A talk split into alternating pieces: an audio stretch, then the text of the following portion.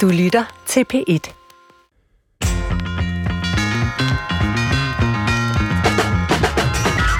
Når et forældrepar beslutter sig for, at deres veje må skilles, efterlader det ofte barnet i en krise. Forældrene finder nye kærester, og så er der en ny familie. Alt sammen bestemt af forældrene. Det er groft sagt den situation, mange skilsmissebørn finder sig selv midt i. Statistikker viser, at skilsmissebørn gennemsnitligt klarer sig dårligere i skolen, har øget forekomst af angst og depression, og selv har en højere risiko for at blive skilt. Men skilsmisser er samtidig blevet forholdsvis normalt jo. Så kan det virkelig være så svært for børnene at se forældrene gå hver til sit? Hvad er situationen egentlig for tidens skilsmissebørn, og hvad kan voksne gøre for at hjælpe? Det handler Brinkmanns Brix om i dag. Velkommen til.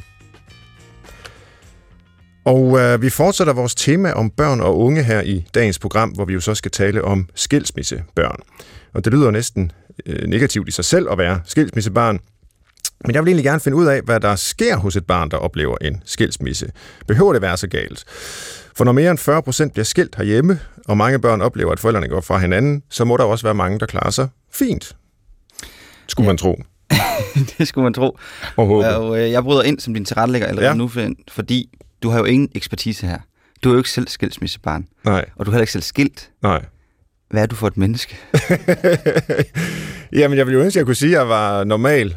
Øh, for det, det er jo sådan set også, fordi det er jo normalt ikke at være skilt. Men det er også normalt at være skilt. Og det er det, der... Øh, ja, man kan ikke sige, at det er en ny situation. Det har jo været sådan ganske længe, øh, hvilket jo bare gør det endnu mere normalt. Øh, så venten du, som var det ikke Kirkegaard, det var det, der sagde, om du bliver gift, så fortryder du det, og hvis du ikke bliver gift, så fortryder du det også. Øh, måske er det det samme med hensyn til at blive skilt. Uanset hvad, så fortryder man det. Nej, uanset hvad, så er det normalt, vil jeg sige. Ja.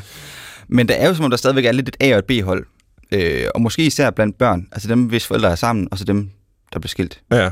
Altså er det, er det noget, som, øh, som påvirker mennesker øh, at være for eksempel skilsmissebarn? Altså, det er jo altså, måske næsten lige så normalt at være skilsmissebarn, som ikke at være det.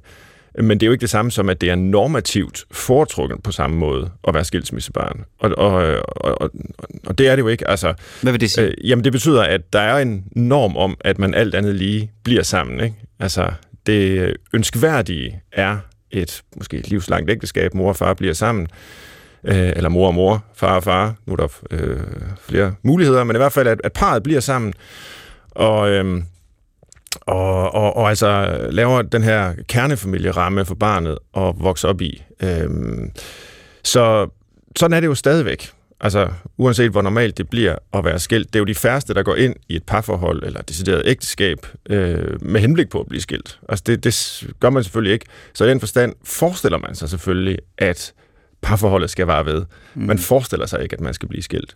Og hvis du skal være rigtig fordomsfuld, synes du så, de forældre, der bliver skilt, det er, det er nogle kujoner, det er nogle egoister. De burde være blevet sammen for børnenes skyld, fordi det er trods alt det ønskværdige.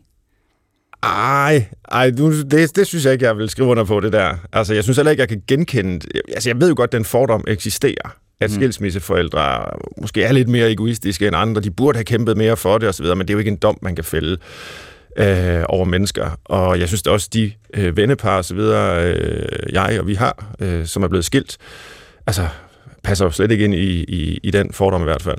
Hvad, hvad er det så? Hvad, altså, hvad er det, hvorfor bliver man skilt? Altså, når man ved, for eksempel, som du siger, at det kommer til at påvirke et barn. Nu, nu har du jo ikke selv prøvet det, men altså, hvad tror du, der er på spil? Uh, det har vi jo lavet et helt program om med Julie Rahl og Flemming Møldrup. Altså, det er meget omfattende, hvad der er på spil. Ikke? Altså, det handler jo altså, om alle mulige forskellige ting for hver enkelt par. Uh, det handler om uh, sige, materielle muligheder i det moderne samfund, for at man kan klare sig uafhængigt af hinanden. Uh, så det er simpelthen altså, lettere at forestille sig øh, livet som, øh, som, som, som single eller ene forældre, øh, eller, eller, eller noget af den stil. Ikke?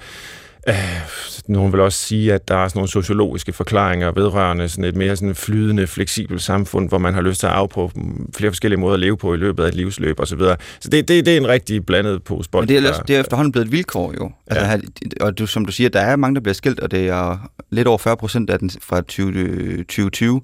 Øhm, og, men hvorfor er det så stadigvæk sådan lidt et betændt emne? Altså hvorfor er det stadigvæk noget, der sådan, trods alt sådan, lidt svært at komme ind i det, det er lidt svært at få snakket om det, og det er måske især stadig svært at finde ud af, hvad er det rigtige for de her børn? Jamen, det er jo fordi, der er børn involveret. Øh, det gør det jo meget mere sensitivt. Øh, og, og vi har den her norm i vores samfund om, at man ligesom skal virkelig satse på at være en god forælder. Det er næsten det, det værste, man kan være. Ikke? Det er en dårlig forælder. Mm. Og tænk, hvis man gør sådan noget som det her, velvidende, at der er en eller anden statistisk øh, svagt forøget risiko for, at barnet vil få det lidt sværere osv., Øh, altså, der er jo masser af undtagelser, og masser af skilsmissebørn har det jo glimrende, ikke også? Men, men det kan være noget det, der rumsterer i baghovedet, øh, som gør det øh, rigtig svært at, at tale om. Og det er opgaven i dag, det er at finde ud af, om man kan blive godt skilt. Eller i hvert fald, at, at børnene kan komme, komme nogenlunde godt ud af det, fordi at det, det sker for mange. Så det må være det, der bliver projektet. Det må vi finde ud af, hvordan kan lade sig gøre.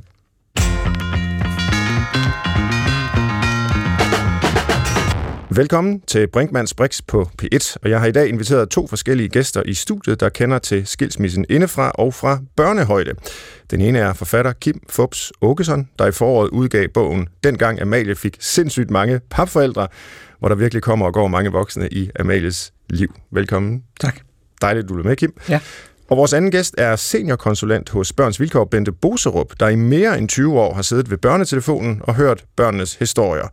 Og så har du stået for alle mulige andre ting inden for øh, børns vilkår, Bente. Og jeg vil lige nævne, og det er jo en særlig anledning i dag, at du faktisk har sidste arbejdsdag akkurat i dag, så vi får dig simpelthen på toppen af din karriere med maksimal udbytte af din viden og erfaring, øh, som vi kan trække på. Velkommen, Bente. Tak skal du have. Og tillykke med en flot karriere, og ja, hvad kan man sige, et velafsluttet arbejdsliv. Ja, ja. tak. og det kan være, at vi vender tilbage til det, og vi vil selvfølgelig rigtig gerne høre om alle dine erfaringer fra de mange år øh, hos Børns Vilkår. Men lad mig begynde et lidt andet sted, nemlig øh, at forsøge at lære jer lidt bedre at kende. Øh, jeg vil gerne spørge ind til jeres egen opvækst og historie, og først dig, Kim Fubs ja. Åkesson. Hvordan så dit barndomshjem ud, og hvem boede der? Øh, jamen, jeg, jeg oplever, at jeg har været på, øh, på alle sider af papfronten. Jeg voksede op med en mand, der ikke var min biologiske far, som senere adopterede mig. Mm-hmm. Øh, I mit øh, første ægteskab var jeg papfar for en, en søn. Han var nok 9-10, da jeg kom ind i hans liv. Og så fik jeg en datter sammen med hans mor. Og det har jeg gentaget i mit nuværende ægteskab. Jeg har en papsøn, øh, og jeg, vi har fået en datter. Ja. Øh, en kone Men dit barndomshjem, altså du siger, at du øh, voksede op med en mand, der ikke var din biologiske ja. far. Ja. Øh, altså det, jeg var fem, da min mor og far blev skilt, og, og der kørte vi den der, eller de kørte den der. Man gjorde det engang hver en weekend, så jeg min far. Ja. Øh, den, den nye mand rykkede ind med det samme. Okay. Øh, der var nok en sammenhæng. Ja. Øh, og, og, øh, og, og øh, vi svingede godt. Altså, det var en god ting. Altså, det var, jeg var glad for ham. Ja. Øh, han gad mig også. Og, øh, så så øh, senere hen holdt jeg helt op med at se min biologiske far. Øh, det var igen noget, de voksne havde fundet ud af. Men, og så blev han jeg adopteret, og endte med at kalde ham far. Ja, okay. Altså, hvordan var øh, situationen omkring øh, skilsmissen? Øh, dine forældres der? Altså, var, det, var der et højt konfliktniveau, eller ser du tilbage på det som... Øh, kan, jeg som var, en okay måde, eller? Nu er jeg sådan en menneske med en virkelig dårlig hukommelse. Okay. Altså, øh, jeg, jeg kan huske nogle skænderier, men jeg var fem, og, og det er altså der, hvor det begynder at blive ret tåget. Ja, ja. Jeg kan bedre huske, at der kom en ny mand ind, ja. og, og han, der stod sådan en galoscher i, i entréen lige pludselig. Det havde jeg aldrig set før. Øh, sådan nogle overtrækssko, ja. øh, mænd havde dengang, når det til dårligt vejr. Øh, og og, og øh, at, at det hurtigt var fint. Måske fordi, at skænderierne holdt op, men, jeg, men jeg kan ikke, det står ikke så klart for mig. Nej. Og det er selvfølgelig et umuligt spørgsmål at svare på. Øh, altså, hvordan har det påvirket en øh, at være vokset op på den måde? Ligesom jeg vil ikke kunne svare på, hvordan har det påvirket mig, at mine forældre ikke er blevet skilt. Mm, altså, det er ligesom bare det, der har været mit liv. Så det er jo meget sådan øh, hypotetisk og i virkeligheden jo kontrafaktisk. Men hvis du alligevel skal prøve, hvordan vil du så sige, det har påvirket dig? Jeg vil sige, det var, jeg kan huske det som en lettelse. Det var min egen idé. Jeg, jeg spurgte min mor, om jeg måtte kalde ham far på et tidspunkt. Der har jeg nok været en 12-13 år. Okay. Og hun mente, det ville være, være fint for ham. Ja. Og, og jeg kan huske, da jeg sagde ordet første gang, og han svarede, ja, så var den sådan, okay, det var i orden. Øhm, og, og det var en lettelse i forhold til de andre børn. Altså, jeg kunne ligesom sige min far og min far. Altså, ja. jeg kunne sige det. Øh, fordi det var ikke så mange, der var skilt. Det var Albertslund, Sovby, øh, mange øh, børnefamilier rykket ud for at få have. Så der var mange ægteskaber, som holdt, øh, i hvert fald på det tidspunkt. Så, ja. som, og der, der var det en lettelse for mig. Og så havde jeg også en. Ja. Og hvad med din biologiske far? Altså, da du tog det skridt, øh, ja, det er jo en meget moden øh, udmelding af en 12-13-årig. Og... Ja, men der, der havde han trukket sig. Altså, jeg var, var 11, okay. da jeg fik at vide, at, øh, at jeg ikke skulle se ham ja. mere. Og så så jeg ham ikke i 20 år. Øh, så, så på den måde var der et hul, øh, som som en, en papfar kunne fylde ud og blive en adoptivfar. Kan du huske, øh, altså lige da det skete det her med, med skilsmissen, hvordan øh, dine tanker var? Altså havde du et ønske om, at dine forældre skulle finde sammen igen? Eller det...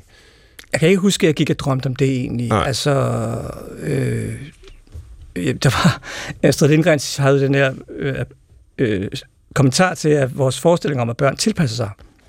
Hun sagde, det er ikke rigtigt, de bøjer sig bare for overmagten. Ja. Og det var ligesom sådan, jamen, du skal se din far hver en weekend, og på et eller andet tidspunkt, da jeg var 11, nu skal du ikke se ham mere. Okay.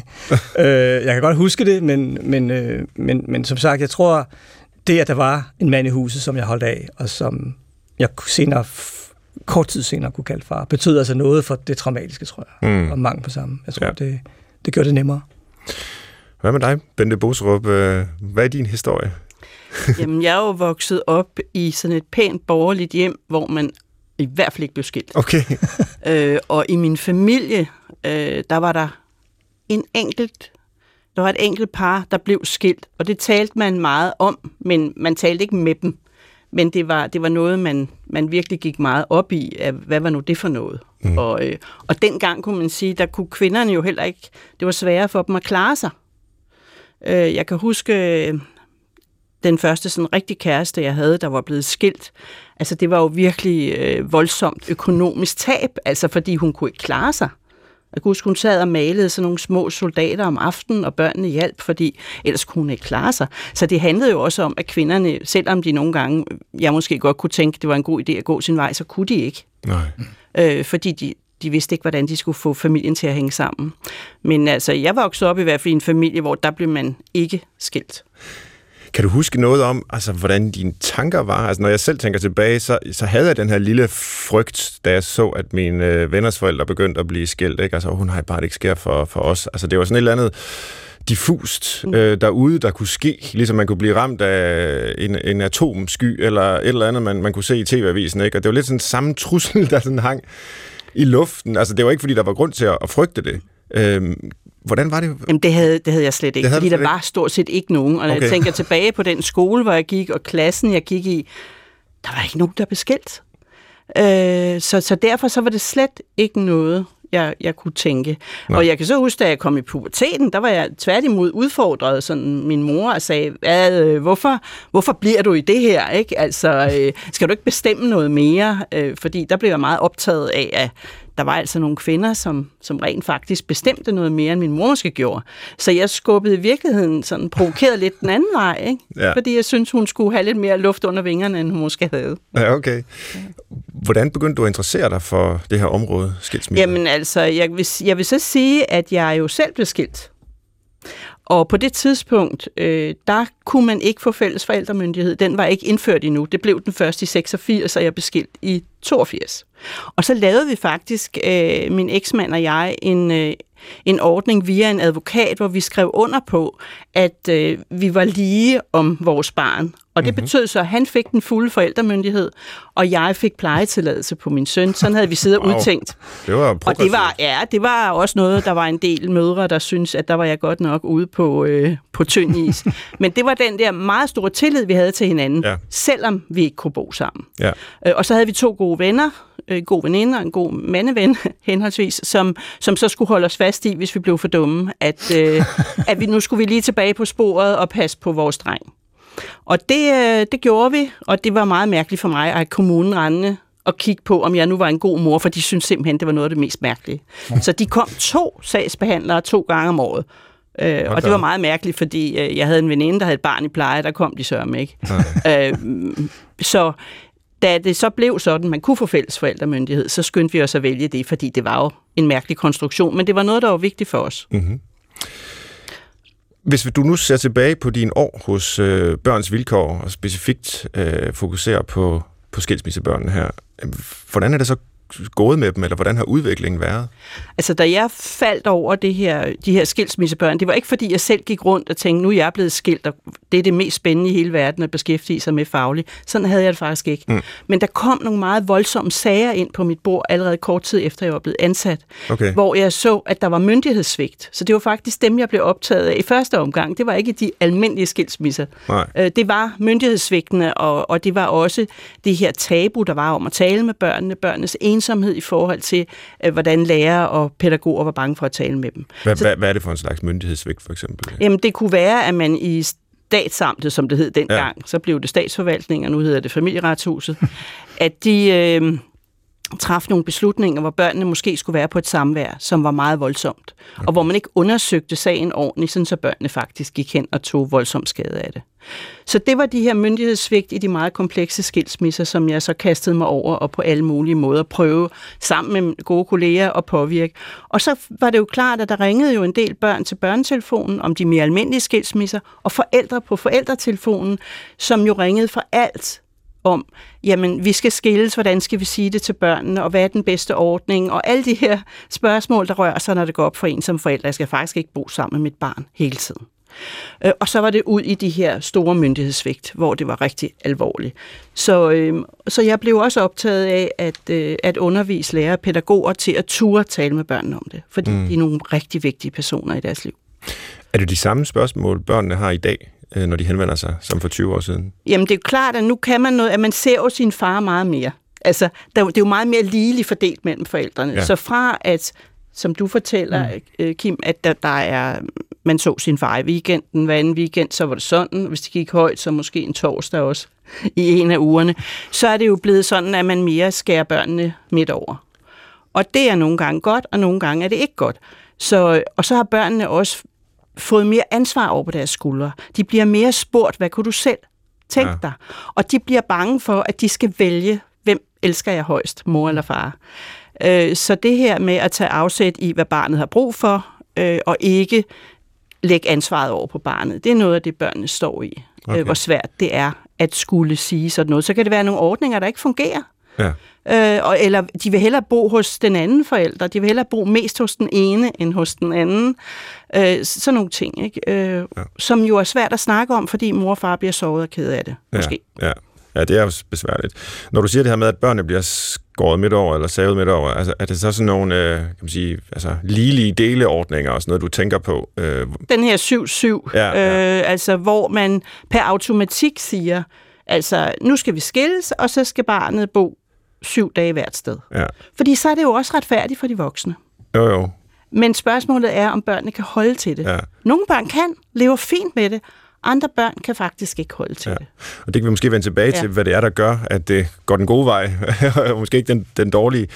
Øh, og nu, altså, nu har jeg jo som sagt ikke så meget ekspertise på det område, øh, af forskellige grunde, men, men da jeg ligesom researchede og forberedte mig til i dag, så var det ligesom det øh, svar, jeg endte med, uanset hvilket spørgsmål jeg undersøgte. Altså, jamen, det kan være godt, og det kan være dårligt. Øh, med den ene og den anden form for deleordning, i det hele taget selve skilsmissen, øh, og, og hvordan man øh, gør det og håndterer det. Altså, er det øh, også det indtryk, der overordnet står tilbage øh, hos dig, Bente, at, at ligesom, jamen, det er rigtig svært at sige noget generelt om det her, fordi det kommer an på den helt konkrete situation, specifikke familie, konstellationen mellem forældrene, og hvad konflikten er osv. Ja, det er det, det kommer an på. Og derfor er der ikke noget øh, dejligt. Det vil være så skønt. Jeg vil elske at kunne sige en 8, 6, Ja, 7, en manual. Og 7, 7, ja, og så vil I blive lykkelige, fordi det er ikke det, det handler om. Og derfor er det jo også så vigtigt, at forældrene får en ordentlig rådgivning. Mm. Og at de øh, også øh, lytter, at børnene bliver inddraget, men ikke bliver gjort ansvarlige. Altså fordi det, det her med at få startet det ordentligt, Ja. det er så afgørende. Det kan vi i hvert fald sige generelt. Kim, jeg kunne også godt tænke mig lige at runde den historie, jeg nævnte øh, i indledningen, som du har skrevet, Ja. øh, om Amalie med, med de mange, mange papfigurer øh, Ja, eller skikkelser, der, der driver igennem. Hvorfor skulle den bog skrives? Altså, det, jeg vil sige, det, det er jo meget sjældent, at øh, aldrig tror jeg, at jeg tager et emne, og så fiktionaliserer jeg det. Altså, det her var en, en opfordring om noget helt andet. En redaktør, der havde set et hul i markedet, med, hvad angik øh, regnbuefamilier. Mm-hmm. Og det fik jeg sådan en opfordring om at skrive om, og jeg gik rundt, og jeg havde ikke ment ikke andet om regnbuefamilier, end at det er okay. Og det var sådan lidt svært at komme i gang på. Men så tænker jeg jo så på familiekonstellationer. i det hele taget. Ja. Og alle de skilsmisser, som altså dels min egen ene, og, og alle de andre, jeg havde været vidne til, og børnene i dem. Øh, og det gik op for mig sådan, altså, wow, hvor vi kræver meget af vores børn, så vores eget kærlighedsliv går op. Vi de voksnes kærlighedsliv går op. Og, og det der med ligesom at rykke en voksen, mere eller mindre fremmed, ind i, altså, ind i the comfort zone, altså hjemmet. Mm. Altså det er jo ikke en, ny, en irriterende nabo eller, eller en, en dum skolelærer. Det, det er ligesom en, der sover der og spiser der ja. og skal med på ferie. Det er altså en stor ting. Måske ja, har den ovenikøbet nogle børn også hver anden uge, ikke? Jo. Og, og det, det mener vi altså, altså at øh, det skal de finde sig i. Og jeg tror nogle gange, vi glemmer, hvor svært det kan være. Ja. Og, og at vi må, altså, altså øh, det, det kræver noget mere af os, end, end at, øh, end, øh, øh, øh i forhold til og, og om der er noget, der skal kalibreres, om der skal ændres, om mm. man går det, og man, altså, at der er et, et rum, hvor barnet kan tale frit om, hvad, hvad det er for en oplevelse, ja. øh, der er nu. Nu skal du ikke plotspoile bogen for åben mikrofon selvfølgelig, men kan du alligevel bare løfte lidt af sløret for, altså, hvad sker der i den? Jamen, der er det der, at, at hun, den her pige oplever, at øh, fremmede voksne blander sig ja. i hendes liv, og hvad der er godt at spise, og hvad der er en rigtig godnat-historie er, og hvor meget skærmtid man skal have, og, og øh, på et tidspunkt råber stop, øh, og giver sine forældre lov til at få en hver. Okay. Det kan hun godt magte. Ja. det er godt. Nå, men nu er vi så ved, ved, ved Amalies perspektiv. Jeg kunne faktisk godt tænke mig at spørge øh, mere indgående til jer om uh, skilsmisser netop fra børnenes sted. Og uh, ja, som oplægget er lidt til den her udsendelse, så skal vi prøve at nærme os en optimal skilsmisse. Øh, hvis vi nu tager udgangspunkt i, at, at forældrene har besluttet sig for at blive skilt, men hvad så med børnene? Hvad gør vi ved dem? Først så skal man vel øh, fortælle dem det, eller hvad gør man egentlig, når beslutningen er truffet? Hvordan, du nævnte Bente vist nok, at øh, det er meget vigtigt, at man indleder processen på en god måde. Altså de, de første skridt er faktisk vigtige. Hvordan, hvordan er de bedst muligt? Altså noget af det, børnene selv fortæller, fordi jeg har også øh, haft øh, børn øh, i grupper, og jeg har øh, også haft børn som sådan børnepaneler, hvor jeg har prøvet at sige, hvis I skulle give forældre nogle gode råd, hvor I ikke skal tænke på, at de bliver ked af det, hvad vil I så synes? Ja.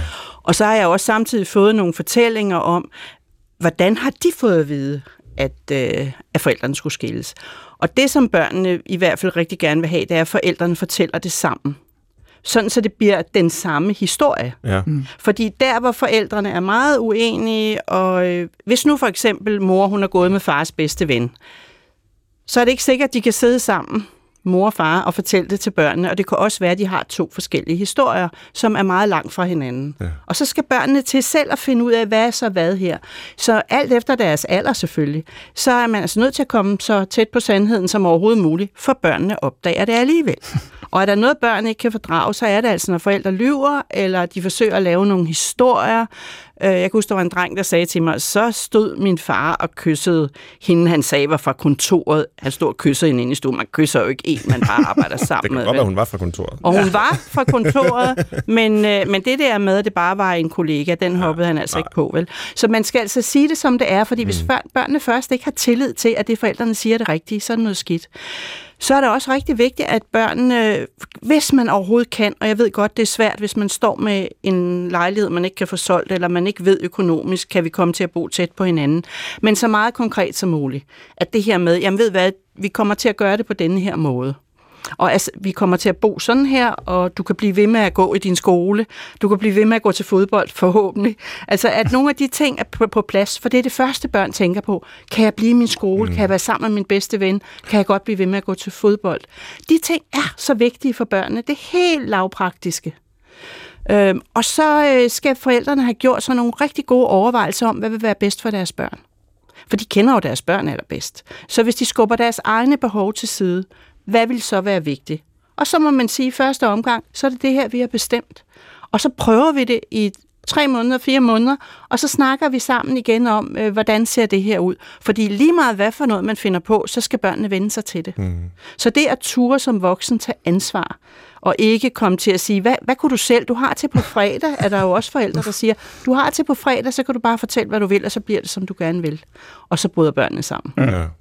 Så, så det, at jo mere enige forældrene kan fremstå, øh, jo bedre er det for børnene. Og så er der jo selvfølgelig det her med, hvad skal man så sige, hvis nu det ikke er noget med, at man har fundet en ny kæreste eller sådan noget.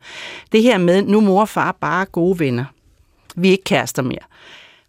Den kan godt lyde meget god, men børn har det jo sådan, at det der med at gå og kigge på forældre, der er kærester, det synes de ikke er særlig sjovt. og det kan også være lidt klamt nogle gange, ikke? Og, øh, og det der, man kan høre noget inden for soveværelset, ikke? Det, det er heller ikke, det vil man egentlig gerne være fri for. Så det her med forældre bare gode venner, det er egentlig nok, altså, det er fedt nok. Ja. Langt stykke hen ad vejen. Så jeg skal nok lige forklare lidt mere Ja, ja, ja. om, hvorfor at det ikke går. Men at de stadigvæk er mor og far, at de stadigvæk er sammen, til den næste fødselsdag, man kan jo altid, man behøver ikke love de næste 20, man kan sige, næste fødselsdag, den holder vi, som vi plejer, og vi gør de her ting, ikke? og den ene går med til fodbold, den anden går med til svømning, at man så vidt muligt siger, at vi er stadigvæk forældre. Det holder vi ikke op med at være. Men det er alligevel meget markant, hvordan du øh, altså overhovedet ikke nævner, at man skal spørge børnene om noget.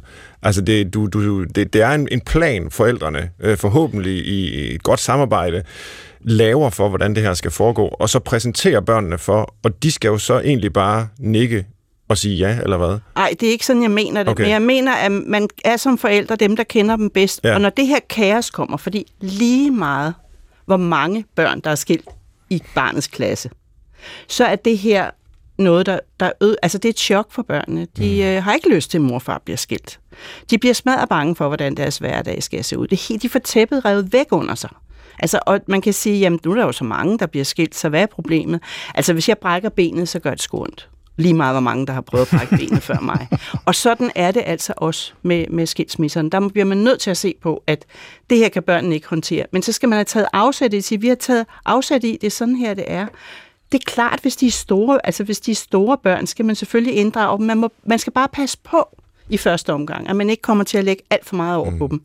Fordi man ikke vil gøre dem ked af det. Fordi du sagde det i indledningen, det her med, at, at som forældre, det værste, man kan gøre, det er at gøre sine børn ked af det. Og så er det, det er det, man kommer til, og det skal man være klar over. Og det er ikke, fordi jeg har, det er slet ikke, at nu skal vi bare bestemme, at det er sådan her, det er.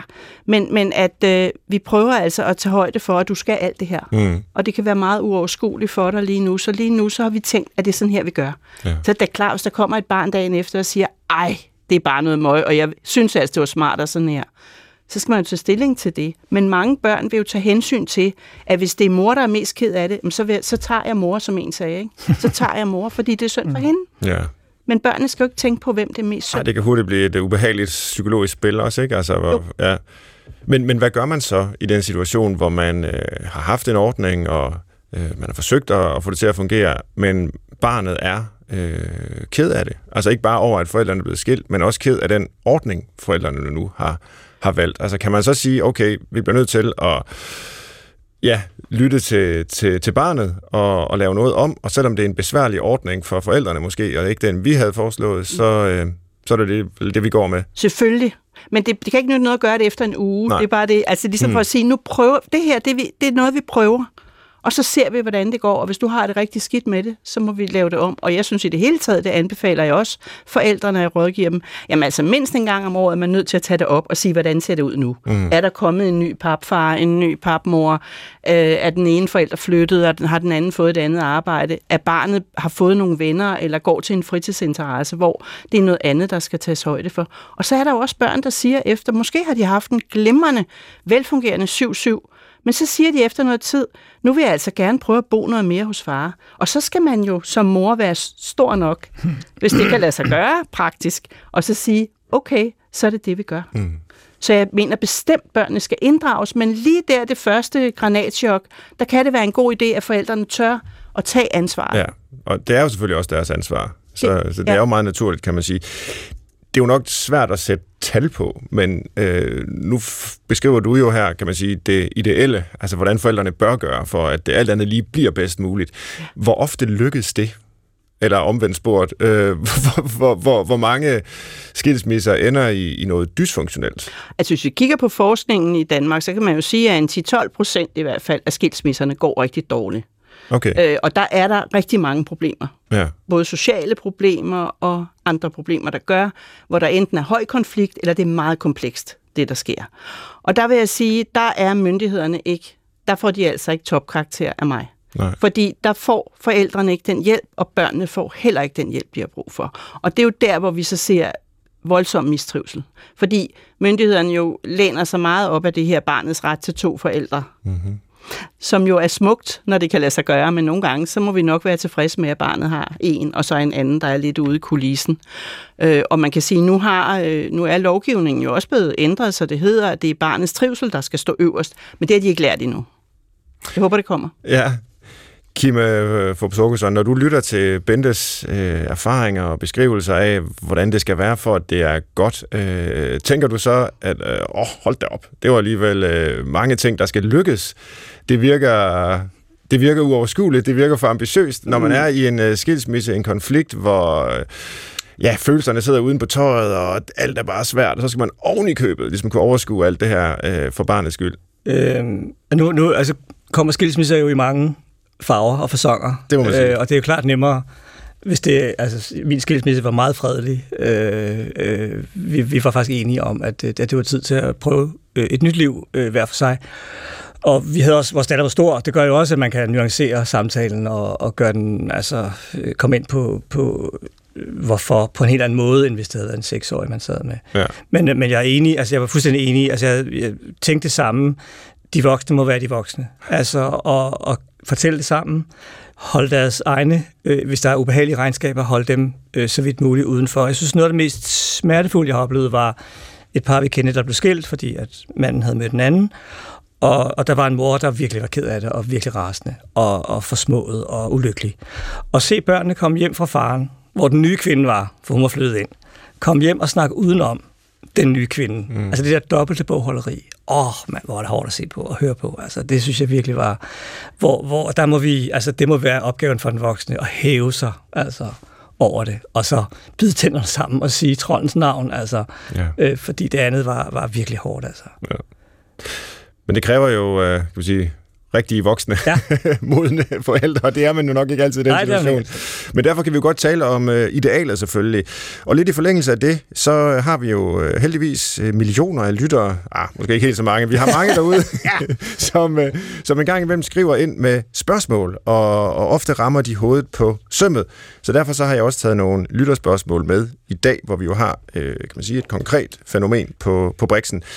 Og de fleste af de her spørgsmål stammer fra den gang, vi lavede et program om ja, også skilsmisser, men det var så under kærlighedstemaet, og ikke så meget øh, i, i forbindelse med børn.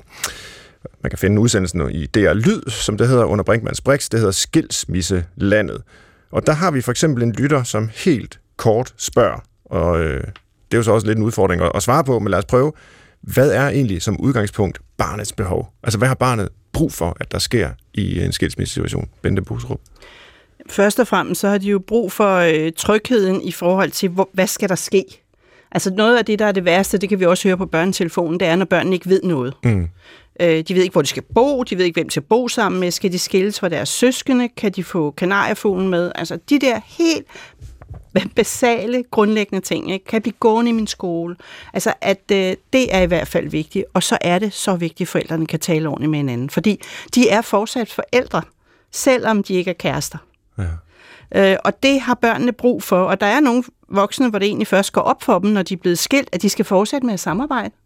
og det holder faktisk aldrig op. Så tænker de, det er nok nu, mens de er små børnene. Nej, det er også, når de er store, så kommer konfirmationen. Og der er jo rigtig meget i dag med fælles forældremyndighed, hvor forældrene skal begge to skrive under. Nu kan vi se med vaccinen her øh, i forhold til corona, der skal de også begge to skrive under. Og hvis det er, at de har et uafklaret forhold, så vil de slås om alt jo. Fordi så er det jo lige meget, hver gang der er en anledning, nu er det coronavaccinen, så har vi mhm. ballade med den. Øh, skolevalg, så har man ballade om den. Altså, så, så det, at man kan snakke ordentligt sammen, at man viser børnene, at man stadigvæk er forældre, og man respekterer hinanden som forældre. Så vil jeg sige, så vil jeg ikke være en del af bekymringsindustrien, at vi skal straks se meget bekymret ud omkring, øh, omkring skilsmisser. Men det kræver meget af de voksne. Har du noget for sig, Kim? Jamen, det vil bare, jeg vil, øh, altså, i tråd med det der med, med, med skilsmissen, og, og burde man være blevet sammen og sådan noget. Altså, jeg synes, det er vigtigt at tænke på, at, at vi lærer børn et sprog. Ikke kun dansk, vi lærer dem også et kærlighedssprog. Øh, vi lærer dem også, hvad, hvad er et godt ægteskab, hvad er et godt samliv. Og, og, og at blive sammen for børnenes skyld og, og, og så skal de opleve et, et samliv mellem øh, forældrene, hvor der ikke er kærtegn, hvor der ikke er kys, hvor der måske ikke er meget samtale, men de bliver sammen. Altså det mener jeg virkelig er et dårligt sprog at lære sine børn. Altså de skal lære at, at stille krav til et kærlighedsliv. Det skal være godt, det skal være sundt, det skal være levende, og, og derfor kan det være det helt rigtige at blive skilt. Men, men selvfølgelig giver man hinanden, eller det, det gjorde vi i hvert fald, synes jeg, vi gav hinanden en anden form for tålmodighed, end hvis ikke der havde været børn. Mm. Og den, det, det, det betød også, at vi var sammen i 19 år, og ikke i fire, Ja. øh, tror jeg.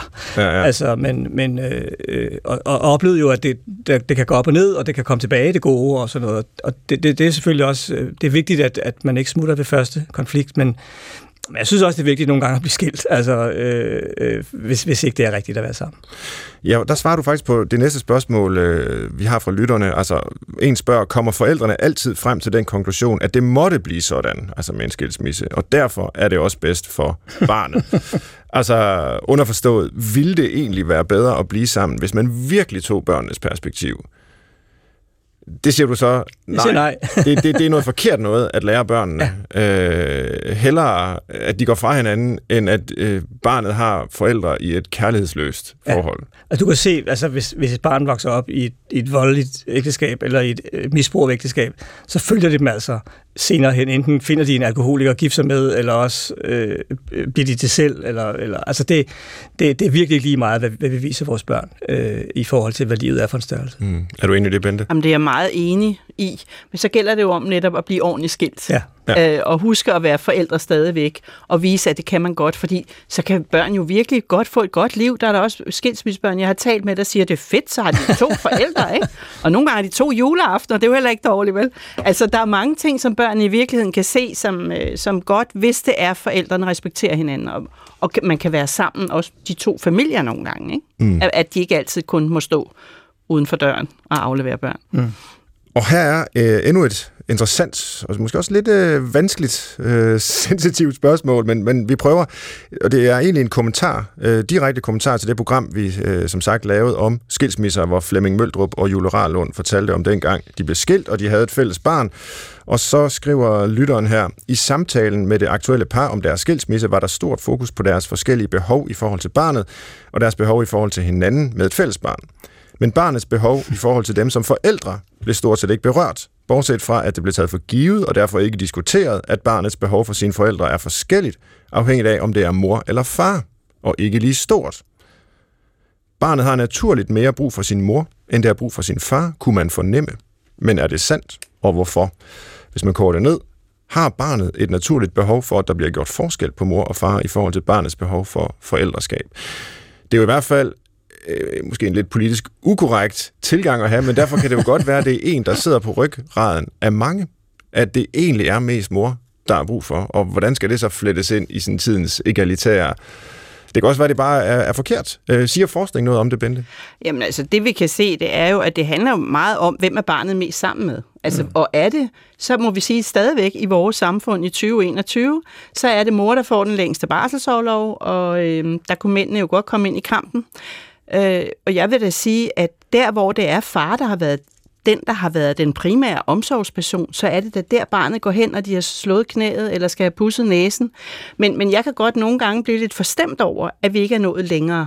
At det ikke er sådan, at, øh, at vi har en barselsårlov, der til gode ser både mor og far, så, så tilknytningen kan blive lige stor. Og jeg synes, det er rigtig ærgerligt, at nogle fædre først kommer ind i kampen, når der kommer en skilsmisse. Så kommer de i tanke om, at de vil have halvdelen af barnet, og hvor jeg tænker, jamen, jeg kan da så, så træt som mor var det første år, så tror jeg da godt, hun kunne have tænkt sig, at der var en, der havde taget mere fra.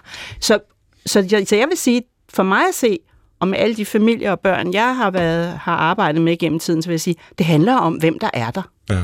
Men man kan ikke komme løbende så, når man ikke har været der, og sige, nu vil man have halvdelen, øh, hvis barnet er blevet fem år. Mm. Fordi så, så bliver det hårdt for barnet øh, i de her skilsmisser. Og det er der nogle gange, hvor jeg tænker, at man bliver nødt til at kigge på, hvem har været der, og så er det jo lige meget for barnet, om det er fordi, jamen det var bedst sådan, og det var også far, der tjente mest, så det var bedst, det blev på den måde. Jamen det kan godt være, men for barnet, så er det altså så den, den moren, barnet er blevet knyttet til. Men jeg synes ikke, at det behøver at være sådan. Nej. Det gør jeg ikke. Jeg vil ønske, det var anderledes. Mm. Der findes jo forskellige foreninger. Øh, nu er det ikke noget, jeg har indgående kendskab til, men der er noget, der hedder Foreningen FAR, mm. vist nok, som øh, altså, kæmper for mænds rettigheder på det område blandt andet. Er der grund til det? Og jeg spørger er helt åbent, jeg kender simpelthen ikke til, til reglerne og, og, og lovgivningen på området. Hvis jeg skal sige noget om det, så, så vil jeg sige, at jeg synes, det er rigtig ærgerligt, når der går kønskamp i den. Øh, og øh, der, man hvor kan sige, jeg... hvis, hvis lovgivningen i udgangspunktet er kønnet, øh, at, at der er en skævhed i forhold til nogle privilegier, øh, kvinden har, som mand øh, for eksempel ikke har. Der er jo for eksempel barselsårloven, Ja, for ikke? eksempel. Og den kunne man, altså det synes jeg da også, man skal slås for. Og det synes jeg er ærgerligt. Jeg synes, det er ærgerligt, når der går kønskamp i den. Men jeg så da rigtig gerne, at der kom øh, noget mere øh, ligeværd i forhold til, hvem der går på barsel, hvornår og sådan noget. Ikke?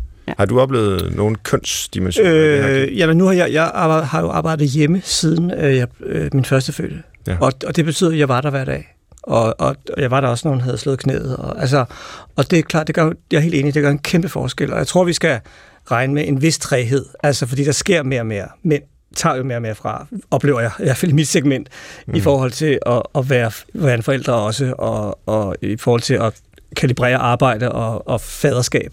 Øh, så, så det vil jo på den måde vil det sikkert også ændre sig i forhold til, der er, jeg kender ikke nogen, der kører hver en weekend, far og så mor resten af tiden. Det er dog på vej over mod 9-5 eller noget. Altså, og jeg tror bare, det har en træhed i sig, altså, og det vil ændre sig, men, men det betyder ikke, at, at fædrene ikke skal op sig og tage noget barsel øh, allerede nu.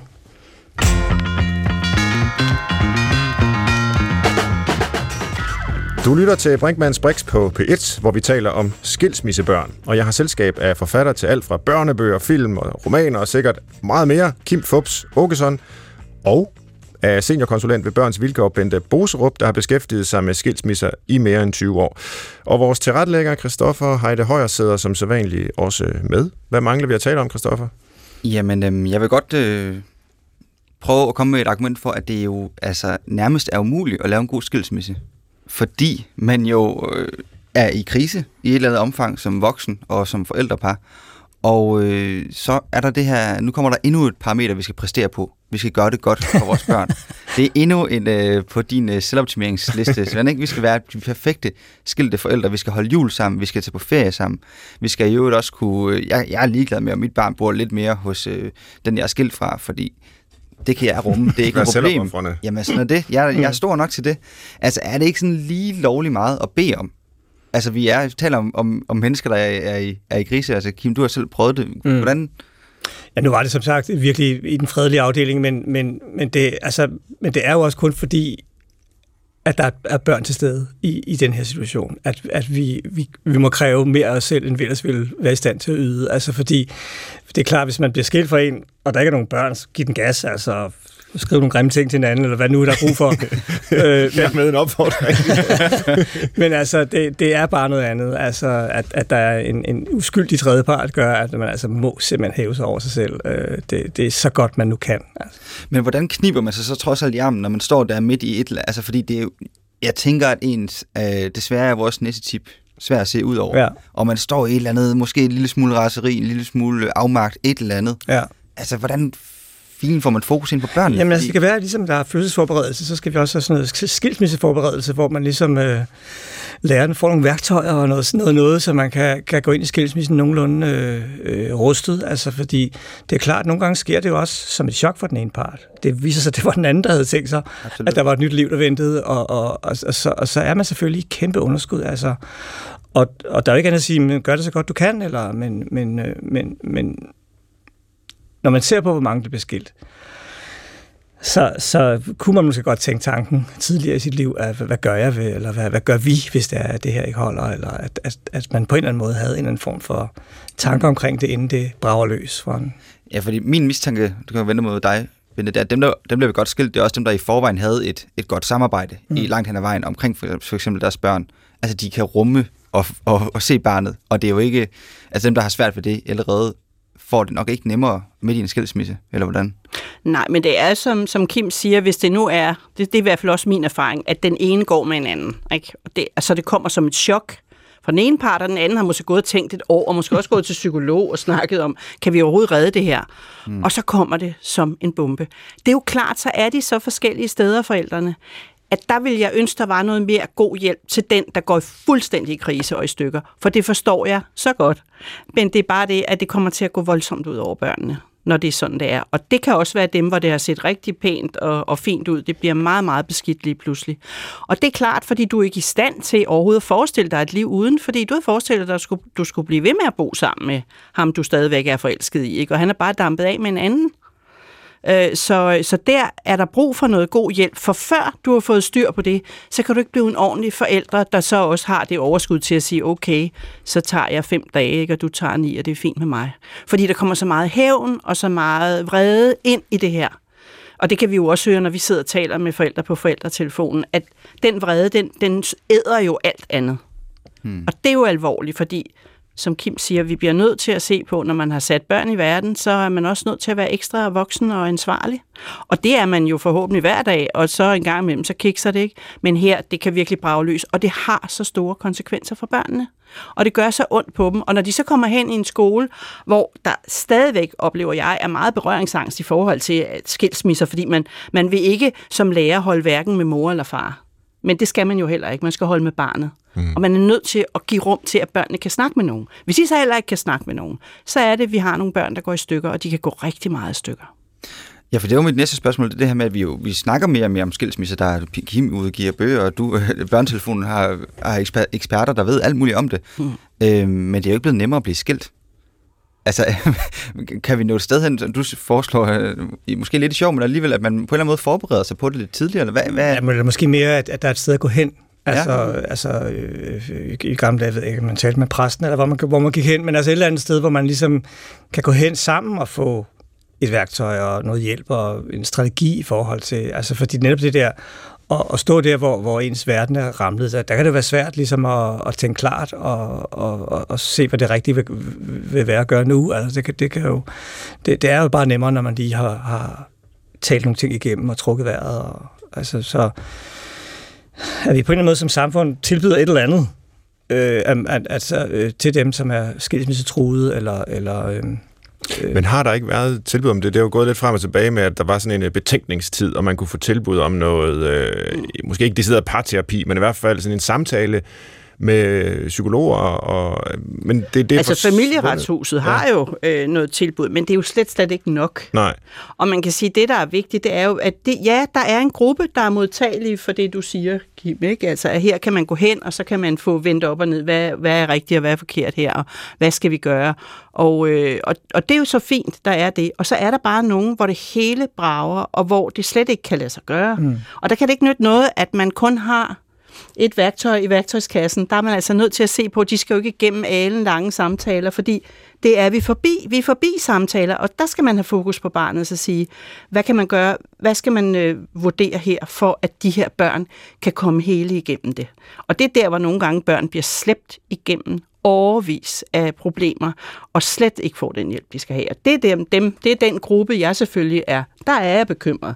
Men, øh, men de andre børn, hvis de forældre fik ordentlig hjælp, og man også lyttede mere til børnene, inddrog børnene, altså jeg går virkelig ind for, at man inddrager børnene, men de må ikke få ansvaret, mm.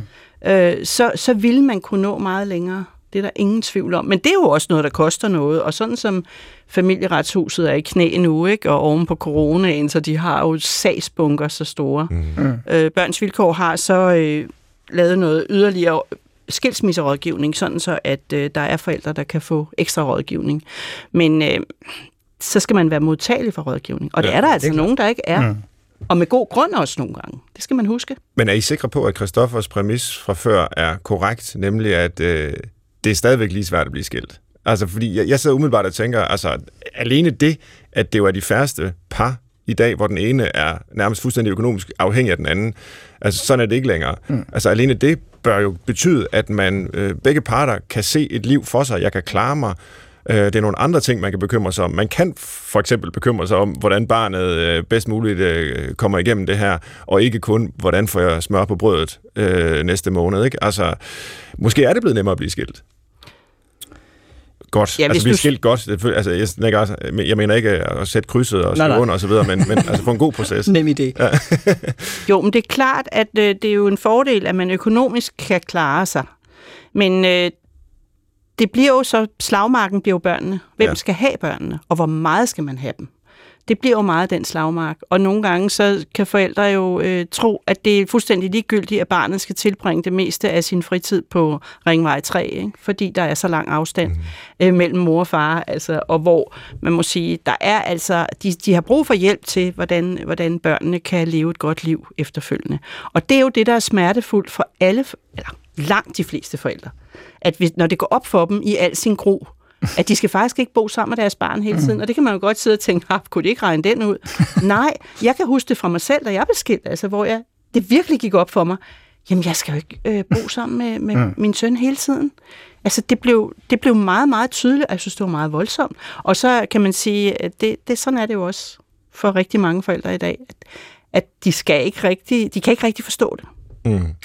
Her til sidst kunne jeg godt tænke mig at at vi kommer ind på, hvilke spor det sætter hos børnene i et lidt længere øh, tidsperspektiv, altså i deres liv simpelthen. Altså nu har vi jo brugt det her begreb skilsmissebarn, og man holder jo ikke op med at være skilsmissebarn, fordi man selv bliver voksen. Mm. Øhm, så er man bare øh, en, en voksen, der, der, der har haft nogle forældre, der er blevet skilt osv., men i hvilken grad tror jeg, det definerer et menneskes liv? Og vi har jo for så vidt været inde på det før, mm, og det er kontrafaktisk historieskrivning. Vi kan ikke vide, hvordan vores liv har været, hvis vores forældre enten var blevet skilt eller var blevet sammen. Øhm, men, men Kim, tror du, du havde haft din interesse, havde skrevet den her aktuelle børnebog, hvis ikke dine forældre var blevet skilt? Ja, for jeg tror egentlig mere, jeg skrev den, fordi jeg selv havde prøvet at være parfar, og, og, og selv havde måtte øh, se på, hvordan jeg opførte mig. Ja. Øh, der er jo det bekendte, at, at det ikke nødvendigvis er samme følelser, man har for papbørn som sine biologiske børn. Det er jo tit, man er mere pædagogisk korrekt og hård og retfærdig øh, og konsekvent over for papbørnene, og så er man måske lidt mere rummelig og omsorgsfuld og tilgivende over for sine biologiske børn. Der er jo noget der, ligesom, og, og øh, den der med at, at rykke ind, og så var det også mit hjem, og så skulle jeg også have lov at opdrage på de børn, der var der, inklusiv min pappa. Så hvor jeg måtte, måtte kigge på mig selv og sige, måske skulle jeg mere tænke, øh, han har ikke inviteret mig, han er verden, og jeg er gæsten, og jeg må lige se, hvad for en fest det er, han, han, han synes, det skal være. Mm. For det er jo ikke sikkert, det skal være nært og kærligt og fantastisk. Det skal jo være, det skal være en mere fredelig sameksistens, eller at jeg skal skrue 20% ned for forældreindsatsen, øh, og, og lade, det, lade det være op til hans mor, uden at det bliver sådan en badebillet, jeg er på, hvor jeg ikke behøver at blande mig noget som helst. Mm. Så der er jo mange sådan, det var, det var egentlig mere den rolle, jeg synes var, der havde jeg selv noget skulle have sagt, tror jeg. Ja. Det var mere interessant for mig egentlig. Øh, end, end, jeg, jeg tænker ikke meget på, på at jeg er et skilsmissebarn. Mm, men det er selvfølgelig noget, altså hvis jeg skal fortælle min livshistorie, vil det nok komme op på et eller andet tidspunkt, at, ja. at den, den farhistorie, jeg har ved, ved Men du kan ikke sige for eksempel, at grunden til, at du selv blev skilt, øh, kunne have at gøre med, at det er jo meget spekulativt, ja, ja. altså kunne have at gøre med, at du havde oplevet det som barn, at, at det simpelthen var en mulighed i livet, ikke? Altså. Ej, jeg vil sige, altså, det var efter 19 år, og, ja. og, og jeg synes, det, det føler jeg faktisk ikke, det er en overfortolkning. Noget, jeg skulle have sagt. Øh, øh, og, og, og, og jeg havde selv, synes jeg selv, knækket koden i forhold til faderskab. Jeg havde som sagt været hjemme altid og, og, og taget første sygedag og alt det der. Så nej, jeg synes egentlig, jeg synes egentlig ikke, at det havde noget at skulle have sagt. Nej. Har du øh, overblik over forskningen, Bente? Altså, ja. hvad du siger i sådan et langtidsperspektiv for børnene? Ja, altså, hvis vi kigger på forskningen, så er det jo sådan, at der er faktisk en øget risiko for, at man ikke får så meget uddannelse, eller måske slet ingen uddannelse, og det er især drengene okay. øh, her. Det er den ene ting, ikke? Og så øh, er der også risiko for øget kriminalitet, øh, og det er også især drengene, og så har man en øget risiko for selv at blive skilt. Hmm. Så der er nogle risikofaktorer, må man sige, når man kigger på, på forskningen. Øh, men, men øh, og så er der hele trivselen, altså at børnene også øh, kan få meget svært ved at, øh, at indgå i relationer måske selv. De kan få angst, de kan få noget depression. Altså nu er vi ude i det, den helt store bekymrings industri, som vi jo også skal være i, fordi der, det har nogle store omkostninger for de børn, hvor skilsmissen ikke går, som den skal. Ja. Og der snakker jeg ikke om, at der er noget bøvl og noget usikkerhed et halvt år, et helt år, men hvis de så kan rejse sig igen, så kan de jo sagtens få et godt liv. Mm. Men, men det er der, hvor at der, der er ingen hjælp af at hente nogen steder, øh, og hvor børnene oplever de her store konflikter, og måske nogle ordninger, de slet ikke kan leve i, og måske nogle myndighedsafgørelser, som er helt ved siden af, så er det jo, at vi kan se, at det her det kan gå rigtig galt. Og derfor er det jo også vigtigt, når nu der er 40 procent, der bliver skilt, at vi så, og skal vi holde op med at blive skilt? Nej, men øh, vi skal gøre det mere ordentligt for ja. børnene. Og de her statistikker øh, vedrørende, hvordan det nu går børnene på, på, altså, i et længere stræk i deres liv, hvem skal egentlig bruge dem? Hvem skal lytte til dem? For man kan sige, hvis man sidder der som en forældre og hører det her program, og måske overvejer at blive skilt, eller allerede er en skilsmisse, kan, kan man så bruge den slags oplysninger til noget, Ja, det, det kan man vel ikke rigtigt. Er, er det måske mere rettet til, nu spørger jeg lidt ledende, øh, ja, til myndighederne, altså til, til de øh, systemer, vi har rundt om, som hjælper de børn, hvis forældre ikke rigtig kan finde ud af at blive skilt på en ordentlig ja. måde? Altså, det, det er klart, at det er myndighederne først og fremmest, der skal, der skal tage ordentlig hånd om de her børn, og der skal være nogle ordentlige tilbud. Det er jo også politikerne, og nu kan de så sige, ja, men vi har lavet et nyt familieretshus, og vi har postet så mange flere penge i det. Nu har der bare lige været corona, så derfor går det ikke så godt. Øh, men, men hele børneperspektivet, hele det at se på, hvad er bedst for børnene, og give forældrene mere end en enkelt samtale. Giv børnene mere øh, end en enkelt samtale. Det at, at virkelig gøre sig umage, og så finde ud af, hvad for et spor skal de i, så de ikke alle sammen bare skal samarbejde, også når de ikke kan. Vær lidt hurtigere og modigere til at sige, øh, det her, der må vi bare sige, det er fint, barnet har en forælder. Ja. Det aller sidste, vi har, jeg håber, vi kan nå det, en liste, vi slutter af med. I dag, tre gode grunde til, hvorfor skilsmisse er det bedste for børnene. kan vi nå at lige uh, sende den ud i æderen også? Det ser ud som, du har forberedt dig, Bente. Nej, jeg forberedte mig på et andet spørgsmål, ja. jeg havde fået forleden dag, men uh, det, gør ikke det noget. var ærgerligt. men, men, men, men har I det, altså, har I øh, impuls til, hvorfor det kan være det bedste for børnene? Ja, men vi har jo været inde på noget af det, ikke? Ja. Jeg, jeg, jeg mener virkelig, det er vigtigt, at, at børn oplever, hvad et, kærligheds, et rigtigt kærlighedsliv skal, være, skal se ud, og ja. hvad det skal være for net, hvad det skal indeholde. Og, og hvis ikke man kan levere det som ægteskab, så, så, så er det en, måske en god, rigtig god grund til at blive skilt. Ja, så vis dem, hvad kærlighed ja. er og bør ja. være, ja. kan være. Ja. Den er rigtig god. Jeg ved ikke, om du har input også, Bente? Skal jeg to til? Jo, men jeg tænker da på, at... Øh, altså, hvis vi skal vente på hovedet, som du jo synes, vi skulle, og ja. i virkeligheden sige noget, der lyder helt forfærdeligt, ja. så vil jeg da sige, at forældrene skal flytte så langt væk fra hinanden som muligt. Ja. Fordi øh, så bliver det meget besværligt for børnene at have samvær, og det bliver svært med, for dem at være sammen med kammerater og have fritidsinteresser. Så hvis det er det, man vil opnå, så skal man i hvert fald flytte rigtig langt væk fra hinanden, og så bare holde fast i, at man vil have en 7-7. Vi slutter simpelthen der. Øh, du har lyttet til Brinkmanns Brix på P1, hvor jeg i dag har haft øh, en samtale med forfatter Kim Fubs Åkesson, og med endnu en dag mere seniorkonsulent hos Børnens Vilkår, Bente Boserup. Og vi vil meget gerne fra programmets side ønske dig en rigtig god pension. Tak for dit arbejde for at give børn et godt liv gennem alle de her år. Også en øh, knap så stor tak måske skal Christoffer Heide Højer have som tilrettelægger for at have været med i dag som altid. I lytter kan skrive til os på brinkmansbrix. Jeg var verden og hedder Svend Brinkmann. Vi er tilbage om en uge. Gå på opdagelse i alle DR's podcast og radioprogrammer. I appen DR Lyd.